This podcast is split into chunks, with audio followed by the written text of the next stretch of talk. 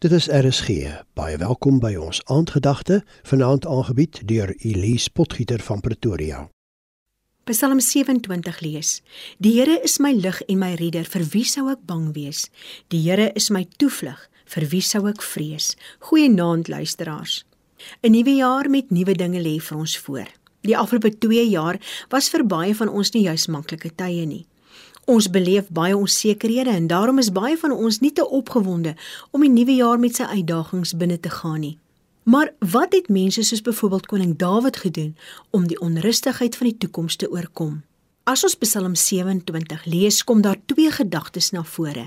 Een is dat Dawid in die oomblik van benoudheid sy toevlug soek in God en by God. Hierdie twee gedagtes is baie belangrik om te onthou in vandag se lewe. Nie alle mense is gretig om hulp te soek by ander nie.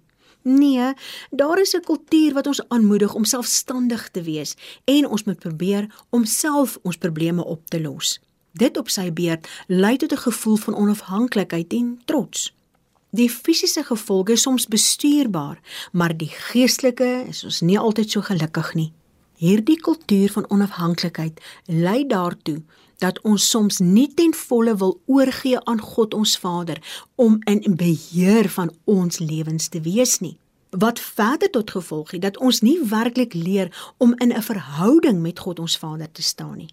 Koning Dawid het egter nie een van hierdie probleme ervaar as ons Psalm 27 lees nie. Hy roep uit: "Die Here is my lig en my redder, vir wie sou ek bang wees?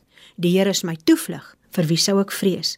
En dit is duidelik dat Dawid met sy probleme na God gegaan het en dat hy God ons Vader so goed geken het dat hy God vertrou het vir wie God ons Vader is. Hy het as ware sy probleme in 'n sak gesit en voor die deur van God sy Vader gaan neerlê en gesê: "Ek weet nie wat om nou mee te doen nie, maar U weet." Paulus het verder gegaan en verby die hier en die nou gekyk. Hy sê in Romeine 5: Ons verheug ons ook in swaar kry, want ons weet swaar kry kweek volharding en volharding kweek egtheid van geloof. En egtheid van geloof kweek hoop en die hoop beskaam nie, want God het sy liefde in ons harte uitgestort deur die Heilige Gees wat hy aan ons gegee het. Paulus weet dat God elke kind van hom hier op aarde liefhet en dat geen kind se gebede ongehoord by God sal verbygaan nie. En daarom is ons gebed vanaand Vader, ek lê die sekerhede as ook die onsekerhede van 2022 voor U neer. Gee my asseblief vrede. Amen.